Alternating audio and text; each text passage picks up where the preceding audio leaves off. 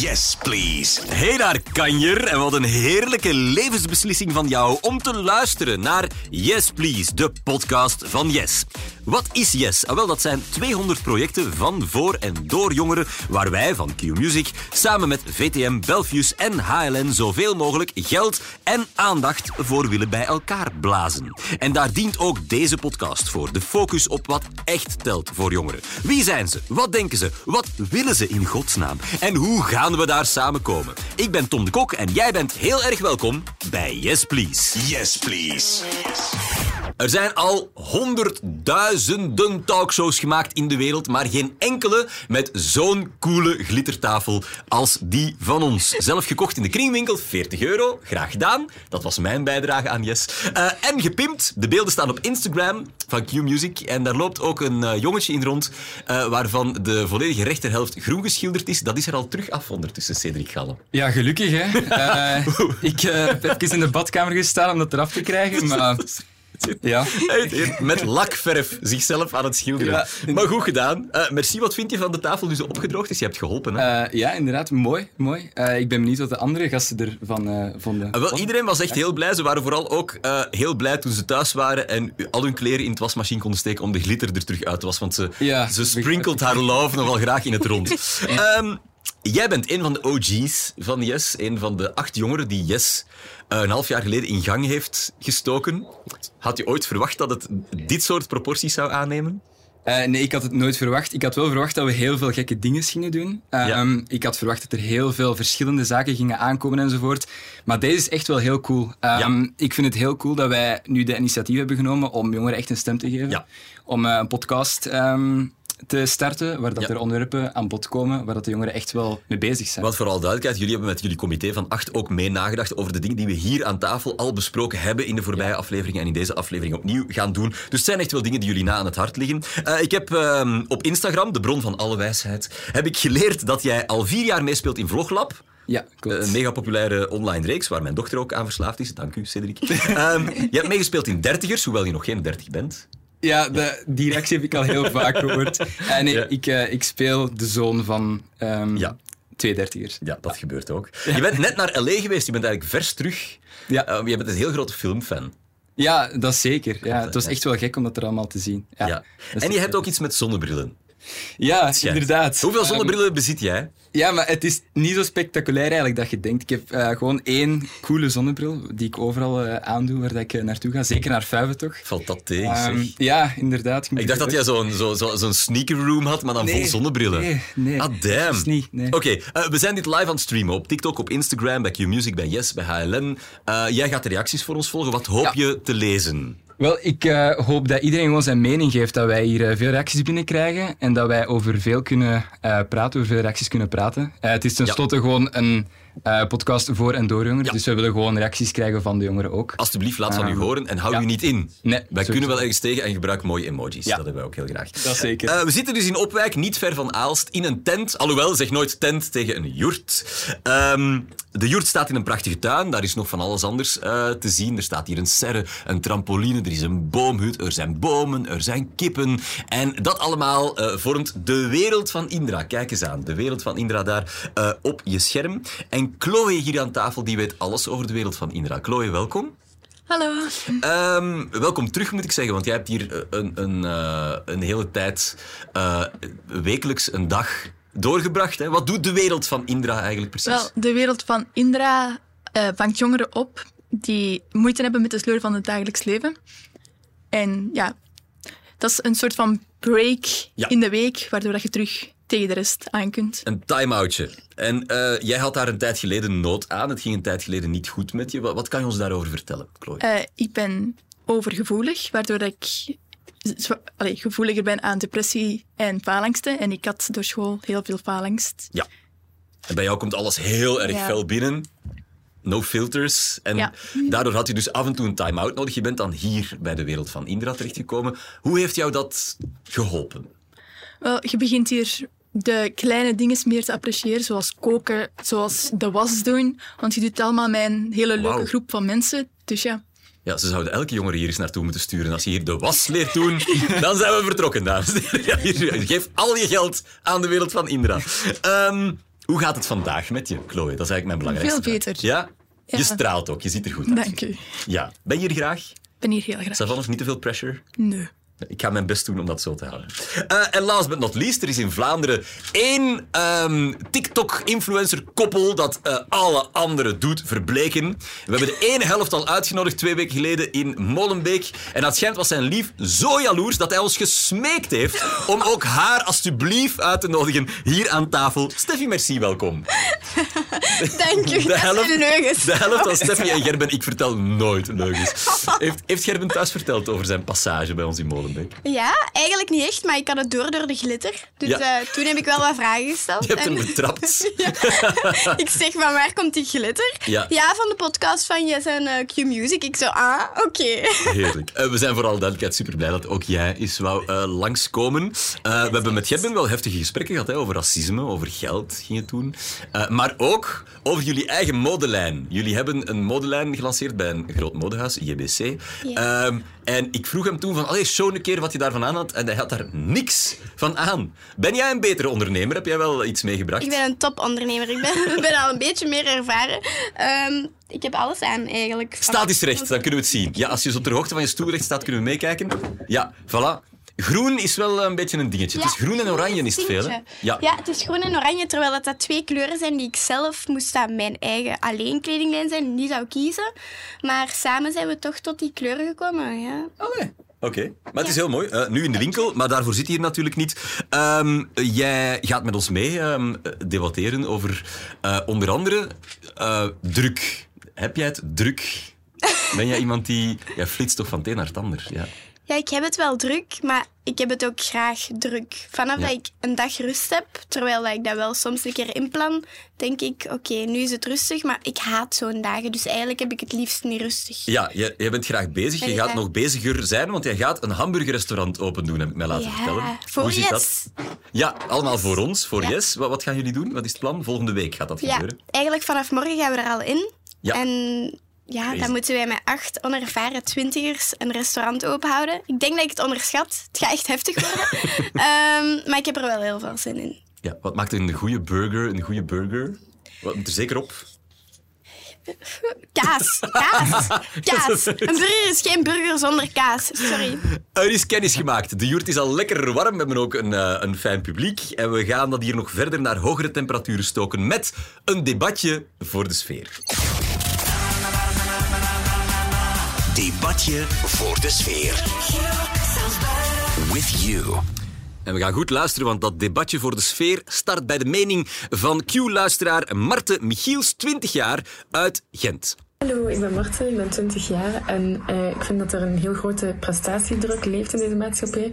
Eh, ik merk dat ook aan al mijn vriendinnen. Iedereen is heel gestrest als ze dingen moeten indienen van ah, ik moet er door zijn. En er zijn zoveel, mensen worden daar zo onzeker door, door, ja, door altijd de beste te willen zijn, altijd uit te blinken. Maar er zijn ook andere manieren waarop dat mensen kunnen uitblinken en dat wordt vaak vergeten, zoals talenten, ehm, muzikale talenten, ehm, gewoon sociale vaardigheden die je ook nodig hebt in het leven. Dus ja, ik vind dat eigenlijk ook het school, het onderwijs heel hard gericht is op kennis. En als je daar dan niet aan voldoet, als je niet voldoet aan de normen, ehm, dan kunnen mensen of leerlingen zich heel onzelfzeker voelen. En het is toch gewoon belangrijker om gelukkig te zijn en met wat je wel al kan en doet. En om dat eerder te stimuleren dan, dan al die prestatiedruk in de maatschappij, ook in het werkveld later. Prestatiedruk, het hoge woord, is eruit. We hebben het er de afgelopen weken hier aan deze tafel eigenlijk onrechtstreeks heel vaak over gehad. Stond ook hoog op het lijstje van eh, dingen die jullie graag eh, wilden bespreken. Eh, bespreken de Yes Jeugd. Harder, better, faster, stronger. Er moet gepresteerd worden. We gaan even het rondje van de tafel doen. Chloe, is dat ook een beetje waar jij dan bijna aan onderdoor bent gegaan, als ik het zo mag zeggen? Die prestatiedruk, het moet altijd perfect, zo goed mogelijk zijn. Altijd beter als iemand anders. Ja, eigenlijk wel. Ja. Ja, je wilt natuurlijk je ouders trots maken door goede punten op school te krijgen. Ook als je dan slechte punten hebt, dan krijg je een slecht rapport met slechte commentaar. En die commentaar kan je echt soms echt naar beneden halen. Ja, en dan daalt je eigen waarde en voor je het weet sukkel je in een put waar jij dan uiteindelijk wel even hebt ingezeten en heb je hulp nodig. Dat is het Ja. eigenlijk. En dat is heel rechtstreeks gelinkt bij jou aan die druk die je voelde om de beste te zijn. Eigenlijk wel. Dus het is geen verzonnen probleem. We hebben het hier over een echt probleem. Oké. Eh, hoe zit dat bij jou, Cedric? Ja, ik ervaar dat ook wel. Maar wat ik ook interessant vind, ik denk er nu net aan. ehm, ik volg communicatiewetenschappen op school en we hebben een onderzoek gezien. ehm, dat ging over de verklaring waarom er nu meer burn-out zijn dan vroeger. Ja? Ehm, het ding is, vroeger was ehm, eh, u- wat dat je deed, zeg maar, gebonden aan plaats en tijd. Dus dat, dat wil eigenlijk zeggen dat je stond op, je ging gewoon naar de ontbijttafel, je zat er met je familie, dit had je had te eten. Maar je deed niks anders, je had geen gsm of zo. Ja. Je zat te ehm, bedoezelen met allemaal berichtjes enzovoort. Eh, je ging naar je werk en het enige wat je daar deed was je werk. Nu zit je op je werk, krijg je een telefoontje, krijg je een berichtje. En je, ah shit, ik moet daarop antwoorden, daar, dit, dat. Dus, dus er is Wij moeten altijd op tien plaatsen tegelijkertijd ja, zijn. Het is, het is Ja. een hele, ik denk dat we in een situatie zijn terechtgekomen waar dat heel veel mensen zich in een rush voelen of zo, denk ik. Ik denk dat, dat, heel veel mensen dat wel voelen. Die Ik zie Steffi hier knikken, haar hoofd valt er bijna af. Ja, is dat het? Echt, ja, jij herkent dat echt, of niet? Ja. ik moet wel zeggen, tot een paar maanden terug had ik daar veel meer last van dan nu. Nu heb ik dat zo een beetje kunnen loslaten. Een paar maanden terug wou ik iedereen rondom mij trots maken met wat ik deed. En dat ik alles het beste deed. Maar nu heb ik dat zo wat kunnen loslaten om mezelf trots te maken. Dat is nu het belangrijkste of zo. Dat is het, hè. wie kijkt er mee? Ja, van waar komt die druk eigenlijk? Jij zei net al, eh Chloe, je wil je mama en papa. eh, natuurlijk, hè, iedereen wil zijn ouders wel tevreden stellen. Is dat dan druk die je wordt opgelegd door je ouders? Of is dat druk die je jezelf aandoet, omdat je, zoals Steffi hier zegt, denkt dat anderen je Het is vooral druk dat ik op mezelf leg. Ja. Ja. En dan is het de truc van wat jij doet natuurlijk, eh, jezelf als maatstaf nemen, maar daar moet je wel stevig voor in je schoenen staan. Dat is niet iedereen gegeven. Ik weet niet hoe ik het heb gedaan in de afgelopen maanden, maar het lukt me echt goed om gewoon dingen kunnen los te laten. En als er iets slecht gebeurt of ik haal juist net iets niet, bijvoorbeeld een auditie of zo, dan laat ik dat los en dan denk ik, weet je, het is niet voor nu. Het moest nu niet op mijn pad komen en de dingen die ik nu aan het doen ben, daar maak ik mezelf en ik hoop mijn omgeving natuurlijk ook nog steeds trots mee. Maar Dat denk ik wel. Ja. Is dat waarom je een, een foto zonder make-up op Instagram hebt gezet? Dat is je laatste foto die je gepost hebt. Ja. Klopt, ja. Ja? Ik vind het echt heel belangrijk dat mensen zich goed voelen in hun vel, omdat ik ook een bepaalde periode in mijn leven niet goed in mijn vel heb gezeten. En ik ben een heel onzeker persoon en ik weet, jongeren zijn heel fragiel en onzeker. Hmm. En ja, ik vond dat wel iets belangrijk om te delen. Ook daar haal je iets belangrijk aan. Rolmodellen, online of op school. Hoe groot is de peer pressure? Want we hebben het over ouders, we hebben het over de druk die uit jezelf komt. Maar eh, leggen jongeren onder elkaar die druk niet op? Je moet de nieuwste iPhone hebben of je hoort er niet bij. Je moet de juiste jeans aan hebben. Je moet eh, de halve wereld gezien hebben. Je moet vier keer per jaar gaan skiën. Je moet goede punten hebben. Je moet goed kunnen sporten. Je moet... Ja. Is dat, vind- ja, is dat niet iets wat we elkaar aandoen? Ik vind dat dat in het middelbaar wel echt heel fel is. Daar heb ik echt heel fel daarmee gestruggeld. Nu zit ik al een tijdje niet meer op middelbaar, waardoor dat je jezelf meer kunt ontwikkelen en naar jezelf kunt kijken en kunt jezelf leren kennen, zeg maar. Maar op middelbaar vind ik dat wel fel. Zeker als je een gevoeliger persoon bent. Ja, ook zo. Ik zit zelf nog op middelbaar en je merkt dat soms echt van... Er zijn echt gewoon kinderen die het geweldig vinden om u te zien falen. En dan denk je echt zo van... Ja, maar ik wil niet dat ze zo naar mij kijken als een mislukkeling, dus... Ja, steek je Ja. tandje bij en zo wordt het een, een spiraal. Ja. Het is een beetje die FOMO inderdaad, denk ik ook. Hè. Mhm. Het is echt fear of missing out, van ah, ik ga hier iets missen als ik hier niet meer mee ben, of hier niet meer mee, of ze gaan me niet cool vinden, of dit of dat. Dus ik denk dat dat inderdaad ook wel een enorme druk legt op inderdaad vooral middelbare school. Is dat, als ik nu zou vragen van, wat is het voornaamste waar jij je zorgen over maakt vandaag als jongere? Is dat dan Ja. zo die, die angst die om het hart slaat van, ik ga iets missen? Ja, persoonlijk voor mij dan. ehm, ik ben ook heel druk bezig met veel verschillende zaken in mijn leven. Dus ehm, als er dan bijvoorbeeld op vrijdagavond een feestje is, op zaterdagavond of zo, in het weekend gewoon. ehm, en ik weet dat heel mijn vriendengroep daar naartoe gaat. Maar ik weet dan dat ik de dag nadien opnames moet gaan doen of moet studeren of zo. En dat ik eigenlijk beter thuis blijf. Ja, ik weet niet, dat is een beetje die sociale druk dat Ja. je dan wel voelt van... Misschien moet ik toch gaan, maar nee, dat is, dat is toch niet slim om toch te gaan. En dan een beetje die twijfel, ja. Maar ook alleen al het feit dat... Hoe oud ben jij, Cedric? Eh 19. Dat jij nu al een carrière hebt waar je dan je vrienden soms voor aan de kant moet schuiven, dat is op zich al wel ongelooflijk Ja. veel pressure. En, en zou je van kunnen afvragen van, ja, wacht daar dan toch gewoon vijf jaar mee. Ja, ik, ik denk, ik ben niet de enige natuurlijk. Die, er zijn er veel die in zo'n situatie verkeren. Dus ik denk ook dat dat iets is dat bij vele mensen speelt. En ik, je hoeft niet per se een carrière te hebben om dat te voelen, denk ik. Het is ook... Allee, ik denk dat alle jongeren dat kunnen ervaren of zo. Ja. Ehm, ja. Steffi, ehm, wat, wat is jouw voornaamste zorg? Waar ben jij in je hoofd het vaakst bezorgd over? Goh, ik, ik denk onder de jongeren mentale gezondheid dat ik mij daar het meeste zorgen om maak. En ook de invloeden. Ik ben een persoon die niet zo hard beïnvloedbaar is, maar ik weet dat heel veel mensen dat wel zijn. Mentale gezondheid en zo. Ja, ik Ja. vind dat heel belangrijk. Ik heb zelf niet zo heel veel last van FOMO. Ik kan echt makkelijk zeggen, vanaf dat ik een draaidag heb gehad en ik ben super moe en heel mijn vriendengroep gaat uit, die snappen dat ook, dan ga ik wel eens een andere keer mee. Ja. Ik zit daar niet zo erg mee en ik weet niet hoe dat komt. Ik kan daar ook geen tips over geven, maar Ja. dus daar kan ik niet zo erg over meepraten. Maar zo mentale gezondheid en zo, ik vind dat wel iets belangrijk. Daar lig jij wel van wakker. Eh, Chloe, wat is jouw voornaamste zorg in het leven? Wel, we zijn zo allemaal een beetje mensen die heel veel tegelijkertijd doen. En je wilt zo een beetje in alles goed zijn. Dus dat geeft soms ook echt druk van... Je moet goed zijn in school Ja. en toneel. En je moet nog goed zijn in je werk. En Al die bordjes die je omhoog moet houden. Eh, er is heel wat echt onderzoek gedaan naar waar we nu over spreken. Jij haalde het ook al kort aan, Cedric. Eh, bij Helan, het ziekenfonds, noemen ze dat masturberen. Je heel de tijd, eh, dat is een officieel woord, het bestaat internationaal ook, je heel de tijd zorgen maken dat je een bepaalde lat niet gaat halen. En in alles. Dat kan in alles zitten, in, in, in je werk, eh, in je persoonlijk leven, eh, alles wat met FOMO te maken heeft. Er zijn ook cijfers over mentale veiligheid van jongeren daaraan gekoppeld. 30% van de jongeren ervaart een problematische prestatiedruk op school of in hun sociaal leven. Dat wil dus zeggen 30% waarbij het echt een probleem wordt, zoals het bij jou gebeurd is, Chloe. Dat is veel, hè? 1 op 3. Hè? 61% heeft wel eens last van FOMO, hè, die fear of missing out, maar ook op een, niet gewoon even, maar zo echt op een problematische manier. En, dit is boeiend, 37% maakt zich zorgen dat het leven van hun vrienden interessanter is dan dat van henzelf. Dus meer dan een derde van de jongeren ligt wakker van het feit van oei, ben ik niet saaier dan mijn eigen vrienden? Wat op zich Dat vind ik erg. raar is dat je die vergelijking Ja, maakt. dat ook. vind ik echt erg. Ik vind, Je moet echt gewoon naar je eigen leven Ja. kijken. En ik denk ook dat, dat dat voor niks niet nodig is, want inderdaad, je moet gewoon naar jezelf kijken. En ten tweede denk ik ook dat ehm, als je iemand zijn succes ziet of zo, of wat dat ze meemaken, gewoon in het algemeen, dat je dat vaak ook in je hoofd een beetje gaat uitvergroten of zo. Het is Ja. niet alsof dat jij minder doet of minder bereikt. Meestal is dat toch niet zo.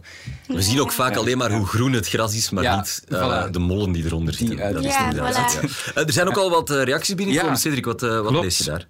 Ehm, van Maat of Moot, ik hoop dat ik uw naam juist uitspreek. Eh, klopt inderdaad, in onze klas op de Universiteit van, Universiteit van Antwerpen zijn er veel mensen weggevallen door de enorme druk.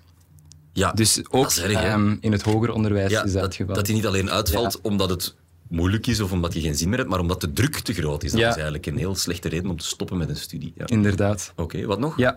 Ehm, van Lieve, dat klopt. En als ouders gaan wij ook nog ehm, eens extra prestatiedruk geven omwille van de school. Ja, een ouder Ja. die, zi- die zich eh oudt hier als oplegger van extra Ja. druk. Ja. Je wil natuurlijk ook gewoon het beste voor je kinderen, want je zou ook kunnen zeggen van ja, maar natuurlijk is er prestatiedruk op school. Als die er niet zou zijn, zou, eh, zou elke jongere gewoon Playstation spelen en geen punten halen. Moet er niet een minimum aan prestatiedruk zijn?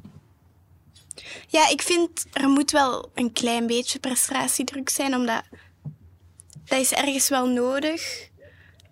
Dat, allee, dat hangt van Ja. persoon tot persoon af, hè, maar soms is het er wel te veel of zo. Het kan gewoon langs allemaal factoren komen en als die samenkomen, dan is het gewoon te veel. Ja, Maar ik vind ook dat jongeren dat gewoon kunnen aangeven. En zo doe je er ook al zelf iets aan. Maar worden jongeren niet, eh, nu, nu ben ik even de boomer, hè, maar worden jongeren ook niet een beetje pff, te hard eh, met fluwelen handschoentjes aangepakt? Ja, de lat ligt hoog, ja, eh, probeer er maar over te geraken. That's life. Moeten we die lat dan verlagen en voor iedereen alles in watten inpakken en alles gemakkelijk maken? Hoe zie jij dat, Chloe? volgens mij is het gewoon de lat de afgelopen jaren steeds met halve meters naar boven gegaan, waardoor dat echt gewoon moeilijk is om over die lat te geraken. En ja, je weet nog hoe makkelijk alles ging en hoe slim dat je zogezegd waart in de lagere school. En nu, met één buis, kun je je echt al dom voelen. Ik denk dat het ook belangrijk is om, om te weten dat als ziet je een persoon iets bereiken, je weet niet wat dat die meemaakt of wat er thuis speelt of alles. Wat voor een persoon wel haalbaar kan zijn, die lat, kan voor een andere persoon, persoon totaal niet haalbaar zijn, omdat die een andere situatie heeft of zo. Daarom is luisteren en praten ook zo belangrijk. Ja. Nee, ja, ik denk over het algemeen inderdaad ook. Gelijk vroeger was de situatie meer dat... eh, of het, was, toch zo'n beetje meer de norm, denk ik, dat iedereen echt naar school ging, dat iedereen ehm, een goede student was enzovoort. En nu denk ik dat we op een punt zijn gekomen waar dat we iets meer beseffen dat je jongeren inderdaad wel iets van druk moet geven om te presteren, maar ook meer die vrijheid moet geven om zelf te zoeken wat dat ze graag doen. Ehm, Ja. Denk dat dat er wel iets meer is ingekomen, dat dat ook wel belangrijk is, dat dat is in het leven gekomen. ja. Ik heb ook super lang verzwegen dat ik niet meer studeerde. Ik ben niet aan het verder studeren. En ik heb dat verzwegen omdat ik die druk voelde van eigenlijk verwacht iedereen dat ik ga verder studeren. Dus Ja. dat is er wel. Maar ik ben nu zoveel gelukkiger en zoveel Ja. aan het doen. En, ja, Dat je zoiets verzwegen hebt. Oh my god, Ja, dat je een coming-out moest doen. Ja. Die gewoon Ook een dat paar nog. maanden overdag Ja. dacht van, goh, hoe gaan mensen reageren zo? Er komen heel veel eh, reacties binnen. Ik lees hier ook van Lisa onder andere. Ik ga ook naar de wereld van Indra. Leuke dagbesteding, leuke mensen. Ze kunnen goed met je praten als je het moeilijk hebt. Chloe, wat heb jij hier geleerd dat jij ons kan meegeven? eh, voor wij allemaal, mensen die dan constant in die rat race zitten, want ook volwassenen maken zich daar constant schuldig aan. Wat heb jij hier geleerd dat je ons zou kunnen... Gewoon doorgeven. echt van de kleine dingen, van de allee, kleine alledaagse dingen genieten. Want je moet niet altijd als, aan alle andere dingen denken en gewoon je misschien je voor één keer focus op één iets Ja. en niet aan alle 500 dingen die je nog moet doen. De was doen. Of koken. Of koken. Voilà. En daar ook echt gewoon in het moment van genieten en niet aan twintig andere dingen zitten denken, want we proberen al die bordjes eh, te vaak tegelijkertijd omhoog te houden. Ehm, moeten jongeren zorgeloos kunnen zijn? Moet dat het streefdoel zijn? Of mm, is het oké als jongeren soms wel wat kopzorgen hebben? Hoort dat bij het leven? Denk- Ja, ik denk dat dat sowieso wel bij het leven hoort. Je moet sowieso... Ik denk ook, zonder zorgen gaat je ook niks van druk ervaren en gaat je misschien ook niet het gevoel hebben van ik moet hier iets presteren of zo. Terwijl dat natu- natuurlijk wel nog steeds het geval is. Maar het mag gewoon niet te ver gaan. Het mag niet tot het punt gaan dat je echt zoiets hebt van oh, ik ben hier aan het verstikken of zo, ik ben hier aan het verdrinken. Ja. Dat is gewoon niet goed. Ze moeten gewoon het gevoel hebben dat ze ergens terecht kunnen of Ja. zo. Want die kopzorgen en dingen dat mensen meemaken, dat is goed, want daar komt je ook sterker uit. Maar ze moeten gewoon ergens terecht kunnen en weten Ja. dat ze ergens terecht Ja, kunnen. er moet een grens zijn. Er mag druk zijn, maar er moet een duidelijke grens zijn. En die grens is voor iedereen anders. Dat heb je daarnet ook aangegeven. Eh Steffi, wat brengt jou tot rust? Tot rust. Ja, wat maakt jou rustig? Een beetje van alles. Bij Gerben zijn, bij mijn ouders zijn, even thuis zijn. Ja, Zelfs op set zijn. ja. Bij goede mensen zijn die mijn batterij opladen. Bij mijn beste vrienden. En bij jou is dat dan koken en in het moment zijn? Deels. En Ja? ook vooral naar muziek luisteren. Ik ben het tegenovergestelde van haar. Ik moet meestal alleen zijn om mijn eigen batterij op te laden. En dan. Ja. je zo, heb je soms van die vriendinnen dat, die, die je bellen en dan denk je van, ik heb er eigenlijk echt geen goesting. Introversie, daar bestaan zeer goede boeken over en daar weten we eigenlijk zelfs nog heel weinig over. Maar het is belangrijk dat je dat van jezelf weet, denk ik. En dat je dat ook eh, toepast. Cedric, waar word jij rustig van? Ehm, ik ben een grote fan van de film Interstellar. Ehm, Terecht, ja. Ja. sowieso. Supergoeie film, ja. Ehm, en daar komt fantastische muziek in van Hans Zimmer. En ehm, als ik in de avond een beetje heel druk, als ik doorheen de hele dag een beetje druk heb ervaren of zo, en ik wil even neerliggen, dan leg ik mij gewoon op mijn bed, steek mijn oortjes in en luister ik naar Interstellar muziek van Hans Zimmer. En dat, Heerlijk, dat is ja. altijd dezelfde muziek eigenlijk, maar dat, ja. Een ritueeltje, Ja. dat hypnotiseert. Ja. En nog een paar laatste reacties die je kan Ja. eh, voorlezen? Eh, ik heb er ook nog een reactie. Ik heb onlangs alles eens van mij afgeschreven en een liedje geschreven. Ah, daar kan je ook Dus, rustig van eh, voor zelf muziek maken. Oké. Ja, Voilà. of je gedachten Ja. opschrijven in een boekje. Heb ik Ja. ook een paar keer gedaan en dat helpt wel om zo tot... Ja.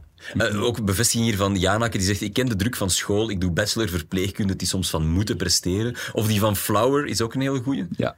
Moet je misschien eens voorlezen, Cedric.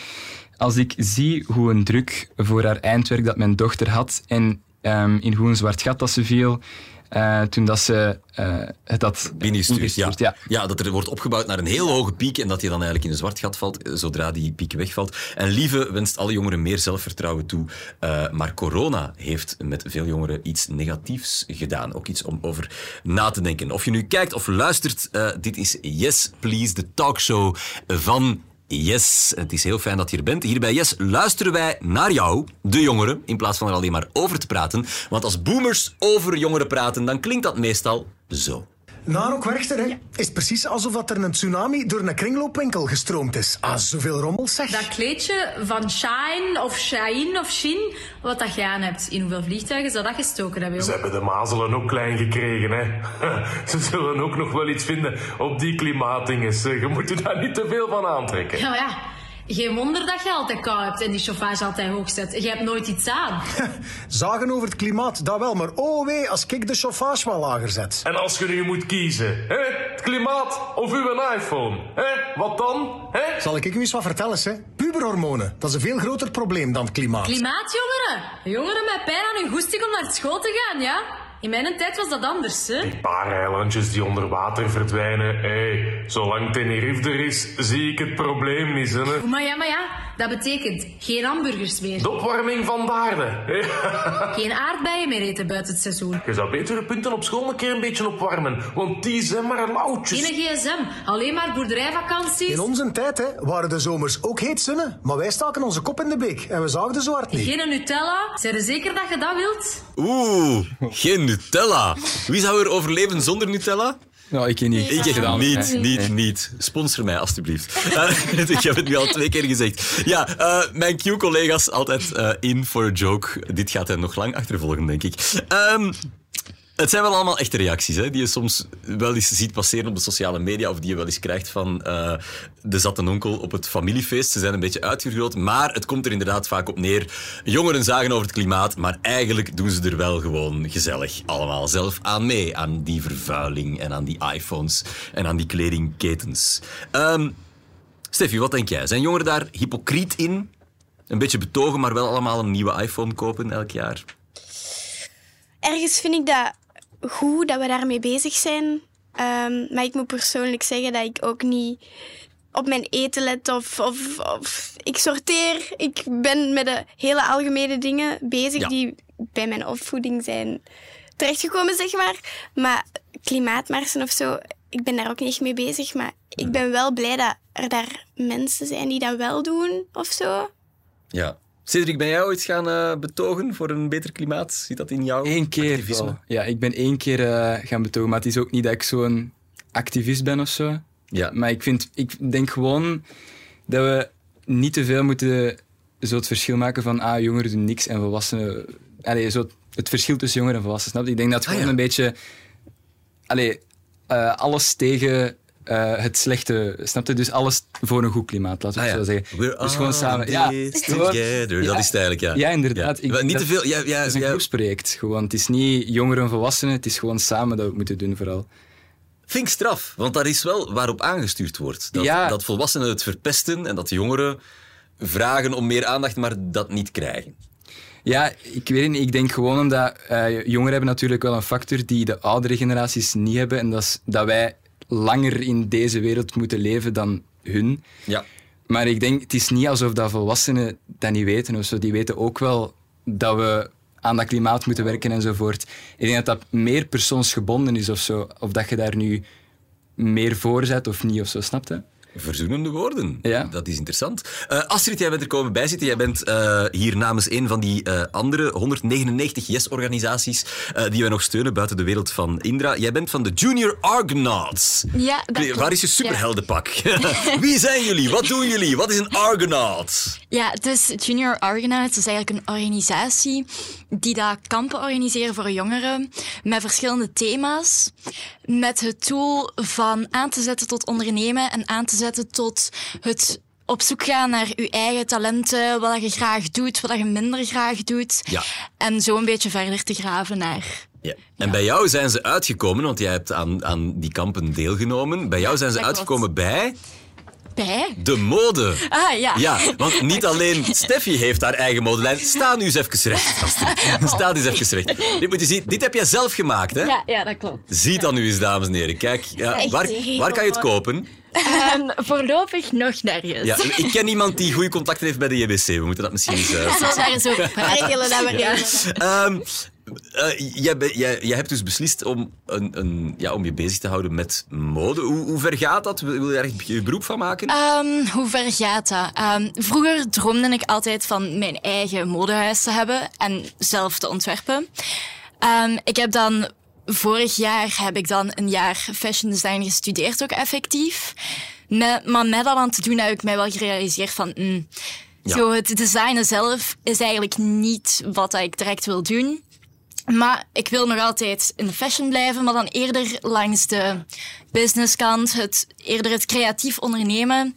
Ja. En dan ook wel met de voorwaarde dat, ehm, dat ik niet in de fashionwereld terecht wil komen die dat, wat dat nu is eigenlijk. Ja, want dan komen we eigenlijk bij een belangrijk factor waarom jij Ja. hier ook aan tafel zit. Jij wil dat ook graag duurzaam doen. Ja, jij wil niet juist. bijdragen aan die bergen t-shirts die ergens eh, op een, een strand liggen te rotten en aan al die chemicaliën en water dat we verbruiken om katoen te maken. En ik, ik kan zo nog een eindje doorgaan. Ehm, ja, is, is dat ehm, iets waar we nu al genoeg mee bezig zijn? Zijn, zijn jongeren daar genoeg mee bezig? Want we gaan nog altijd massaal in de Primark en bij de, de niemand weet hoe het uitspreekt. Shein. Shein gaan we nog altijd massaal winkelen. Hè? We, jongeren Ja, hebben daar lak aan. Die kijken daar niet naar, of wel? Ehm, ik denk dat daar heel weinig wordt naar gekeken.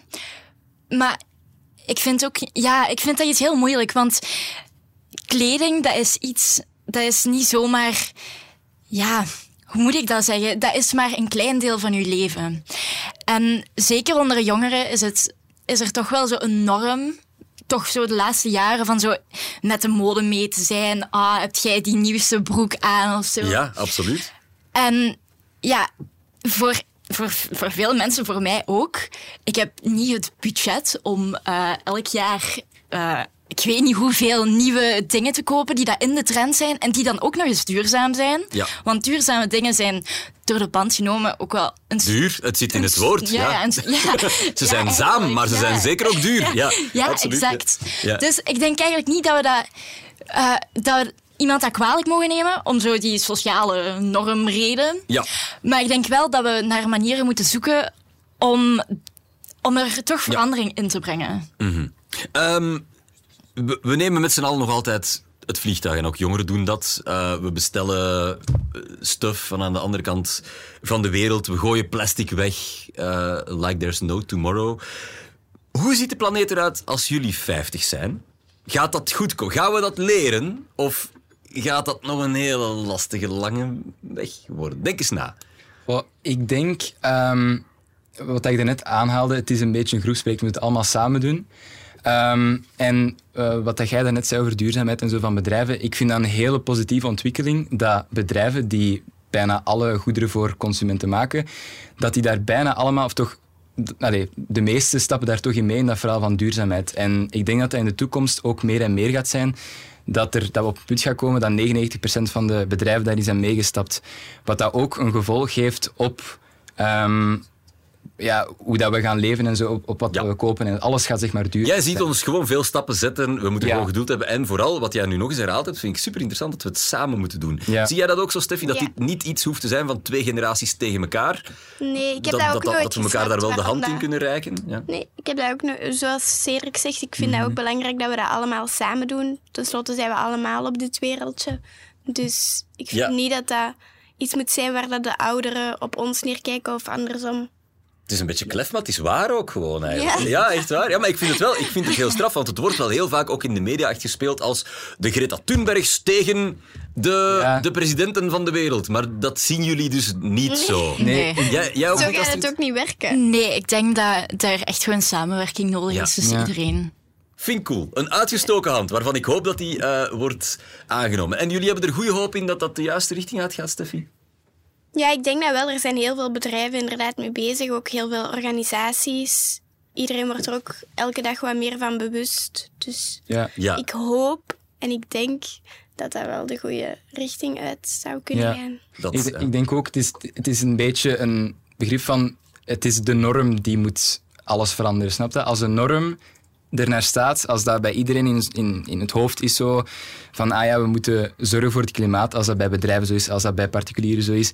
Dan gaan we ook ehm, samen die stappen zetten, snap je? Dus ik denk, als je die norm kunt veranderen, dat we ehm, goede stappen vooruit kunnen zetten, ja. Weer een van die keren dat ik denk van we moeten met Yes gewoon een politieke partij op. Ik stem op jullie allemaal. Jullie hebben mijn stem. Eh, beste vrienden, eh dankjewel voor jullie input hier. Ik concludeer dus dat er een uitgestoken hand is, dat het niet wij tegen zij is, dat we het allemaal samen moeten doen en dat er vooral veel optimisme is eh, hier aan tafel en dat er in de mode nog flink wat werk zal zijn voor mensen als jij die daar duurzaam in willen ondernemen. Terug over naar jou daar, want we hebben een belangrijke vraag waar je nu op mag antwoorden in de comments. Namelijk, had je 10 miljoen, wat zou jij dan doen? Had je 10 miljoen, wat zou jij dan doen? En dit is wat Yes Original jongere Nona Hofman, 13 en verwoed Q-music luisteraar, daarop geantwoord heeft. Hey, ik ben Nona en ik ben 14 jaar. Moest ik 10 miljoen euro hebben, zou ik de hele E40 in regenboogkleuren laten schilderen. Ik vind het gewoon zo belangrijk dat er voor iedereen en alles acceptatie is. Iedereen is namelijk geboren met een identiteit of geaardheid en niemand anders heeft daar iets over te zeggen. Doei! Zei Nona nu dat ze de hele E40 in regenboogkleuren wilde schilderen? Ik vind dat een geweldig idee. Ook al omdat de E40 die loopt door heel Europa tot in Rusland. Dus fuck you, Poetin. Uh, zou, echt zijn hoofd eens willen zien.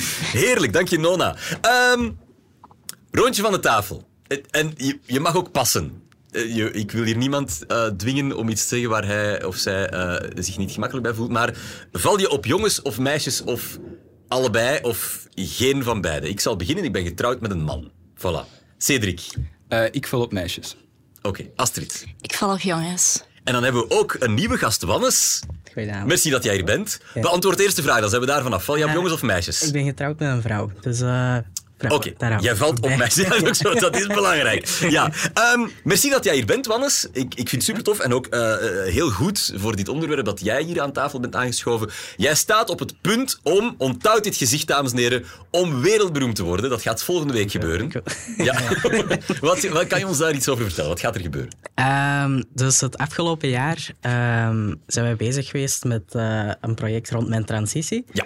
Eh, daar is ondertussen een video over gemaakt. Ehm, en die komt volgende week vrijdag uit. Ja, Dus, eh, want jij bent niet, niet altijd Wannes geweest, jij bent Nee, Wannes geworden. Ja, Jij bent een van die gelukzakken die hun eigen naam hebben mogen kiezen. Ja, ja, Hoe goed is dat? Ik zou Eh, toch, Tom zou ik niet overwogen hebben. ja, er, er zijn Ja. heel veel namen de revue gepasseerd. Ja, het is Wannes geworden. Proficiat met die nieuwe naam. En, Dankjewel, eh, dankjewel. en de transitie die ehm, afgerond is, nog volop bezig is, waar, waar zit je ergens in dat proces? Ehm, afgerond gaat het nooit zijn. Eh, maar ja, ik denk dat niemand ooit eh, afgerond gaat zijn. Mhm. Dus, eh, Een goed antwoord, ehm, ja. Ja, ja. Ehm, ik ben nu dus een, een, een jaar met testosteron bezig. Ehm, dus dat heeft vooral een jaar nu zijn werk kunnen doen. Dus nu is het vooral mijn eigen lichaam dat ouder moet worden, zeg maar. Ah, tuurlijk, ja. Ehm, het begint nog maar net allemaal. Ja, klopt. Ja, Ja. wat heerlijk. Eh, kan, gaan we allemaal kunnen zien in eh, de documentaire Jezelf zijn, de stem van Wannes. Want met die stem, daar, dat is het een en het ander geweest. Hè? Ja, eh, Ja. dat is het meest opvallende geweest, denk ik. Dat die Ehm, veranderd is. Ja, ja, ja, dus die is redelijk hard gedaald. Ehm, ik verschiet daar ook elke keer van als ik, Wow. als ik het hoor. Ja, ja, want Ja, ja, ja. ik merk dat natuurlijk niet. Maar als ik het dan terug hoor, dan, dan hoor ik wel een heel groot verschil. Vanaf volgende week vrijdag is dat eind maart, eh, spreken we dan voor mensen die dit later horen. Eh, dan ben jij overal te zien met die eh, docu. Zeg, jij jij bent 22. Ja. Je zou denken van, in jouw generatie is dat helemaal oké, alles wat met LGBTQI te maken heeft, eh, met jouw transitie ook. Eh, daar, wordt, daar ho- hoeven we het daar nu eigenlijk nog over te hebben. Ehm, Wat is jouw gevoel? het, het blijft gewoon belangrijk wel. Ehm, het is niet omdat ik persoonlijk niks heb meegemaakt van, van haat of zo, ehm, dat het voor de komende generatie niet belangrijk is dat er over gesproken wordt. Mhm. Ik snap uiteraard wel ehm, dat er soms wat te veel aandacht aan, gegeven wordt. Ehm, ai, nee, persoonlijk vind ik dat niet, maar ehm, ik snap wel dat de, de oudere generatie dat zo kan zien. Ja. En dan heb je het over oudere generatie. Je hebt zoiets, jongeren zijn daar veel meer oké mee, of zo? Dat, Ja, dat gevoel dat heb je merk wel? ik wel echt, ja. Oei. Wat vinden jullie, guys? Vinden jullie dat we het hier te veel over hebben? Moeten we nog eens een gesprek hebben over holibi-rechten? Is dat nog nodig? Maar Ik vind dat je daar wel mocht over blijven babbelen. Ik denk dat het gewoon superbelangrijk is dat zoiets wordt geaccepteerd. Dat is gewoon een individuele keuze. Dus ik vind niet dat iemand daar iets zou moeten tegen... Allee, Ik, ik begrijp gewoon niet waarom dat je daar iets zou tegen hebben. Ik zal het zo zeggen. Ehm, Jij bent het daarmee eens, Astrid? Ja, inderdaad. Ja. Ja, en ik vind ook dat als je daar zelf niet in zit, dat je ook de persoon moet zijn om een aangename omgeving voor iedereen te creëren. En Mhm. daar maakt je zelf ook deel van uit. Helaas is dat niet overal zo. In 70 landen, dat zijn de cijfers, is holibi zijn strafbaar. Dan zou ik gearresteerd worden als ik eh, uit het vliegtuig stap. In 11, 11 landen zou ik de doodstraf krijgen. 11 landen op dit moment op deze wereld. In 29 landen al of maar, eh, is een huwelijk tussen hetzelfde geslacht mogelijk, mensen van hetzelfde geslacht. In België mag ik sinds 2003 trouwen en sinds 2006 adopteren. Dat heb ik ook allebei gedaan. Ik ben nog maar sinds 1990 niet geestesziek in België. Daarvoor zou ik eh geestesziek geweest zijn. Gelukkig was ik toen zeven, had ik daar allemaal geen last van. Ehm, maar het is dus... Ja, we zijn er nog niet, of zo. Eh, ehm, eh, we, we moeten zien dat we geaardheid en gender niet door elkaar mixen. Hè, want we, we hebben het over jouw transitie, over mijn geaardheid. Dat zijn twee verschillende dingen. Maar toch, ehm, ben jij soms bang over hoe er naar jou gekeken wordt Ehm, door de wereld? Ik persoonlijk niet meer. Eh, ik weet in het begin van mijn transitie wel, omdat ik, ja, ik, ik zag eruit als een man, maar ja, ik klonk als een vrouw. Dus van het moment dat ik mijn mond moest opentrekken, stopte het voor mij. En, en had ik wel ehm, bang voor, voor negatieve reacties. Ehm, maar voor het moment is dat niet meer. Maar ik begrijp wel echt ehm, dat mensen wel met die angst kunnen zitten. Ehm, Ja. Er zijn veel landen in de wereld waar jouw transitie onmogelijk zou zijn. Ja, Mensen die dat echt er zelfs niet aan zouden kunnen beginnen, zelfs als, ze- niet als, als ze er zot van worden, wat Ja, ook vaak nee. zo is helaas. Ja, ik ging vroeger heel vaak naar Egypte, ehm, maar ik denk niet dat ik dat nu nog Hmm. kan doen. Dat is inderdaad niet, geen echt eh LGBTQI plus vriendelijk land. Ehm, is religie een probleem? Er is geen enkele religie ter wereld die mij respecteert. Ehm, en dus vind ik dat soms omgekeerd ook moeilijk. Eh, maar daar denkt misschien niet iedereen hetzelfde over. Het vertrekt vaak, het oordeel over LGBTQI plus ehm, medemensen vertrekt vaak vanuit een soort overtuiging dat er iets mis is. En Ja. die overtuiging vertrekt vaak vanuit godsdienst. Of zie ik dat verkeerd? Ja, ik denk ehm, het, het grote verschil met een godsdienst en de waarde mee, met wat dat wij leven is, wij zijn gebaseerd, of onze maatschappij, de Europese westerse maatschappij, is gebaseerd op een humanistische samenleving. Dus bij ons staat de mens centraal. Maar in een godsdienstige samenleving staat God centraal, waar dat je vaak geloofsregels hebt waar het er moeilijk aan te raken is of zo, denk ik. Ja, Ehm, maar we, we, we, we zi- we zitten hier in de week waarin er Ja. in Antwerpen een, eh, eh, een, een queer iftar, eh, dus een bijeenkomst van moslims uit de LGBTQI-gemeenschap, is afgelast omdat er bedreigingen waren. Dus het is niet dat het iets is dat, dat zich in een ver buitenland afspeelt. Hoe moeten we daarmee omgaan, Astrid? Goh, ik vind dat echt een hele moeilijke. Mhm. Want ik snap het wel. Het zij, er, is- er zijn inderdaad godsdiensten die dat niet accepteren en daar zit echt een probleem.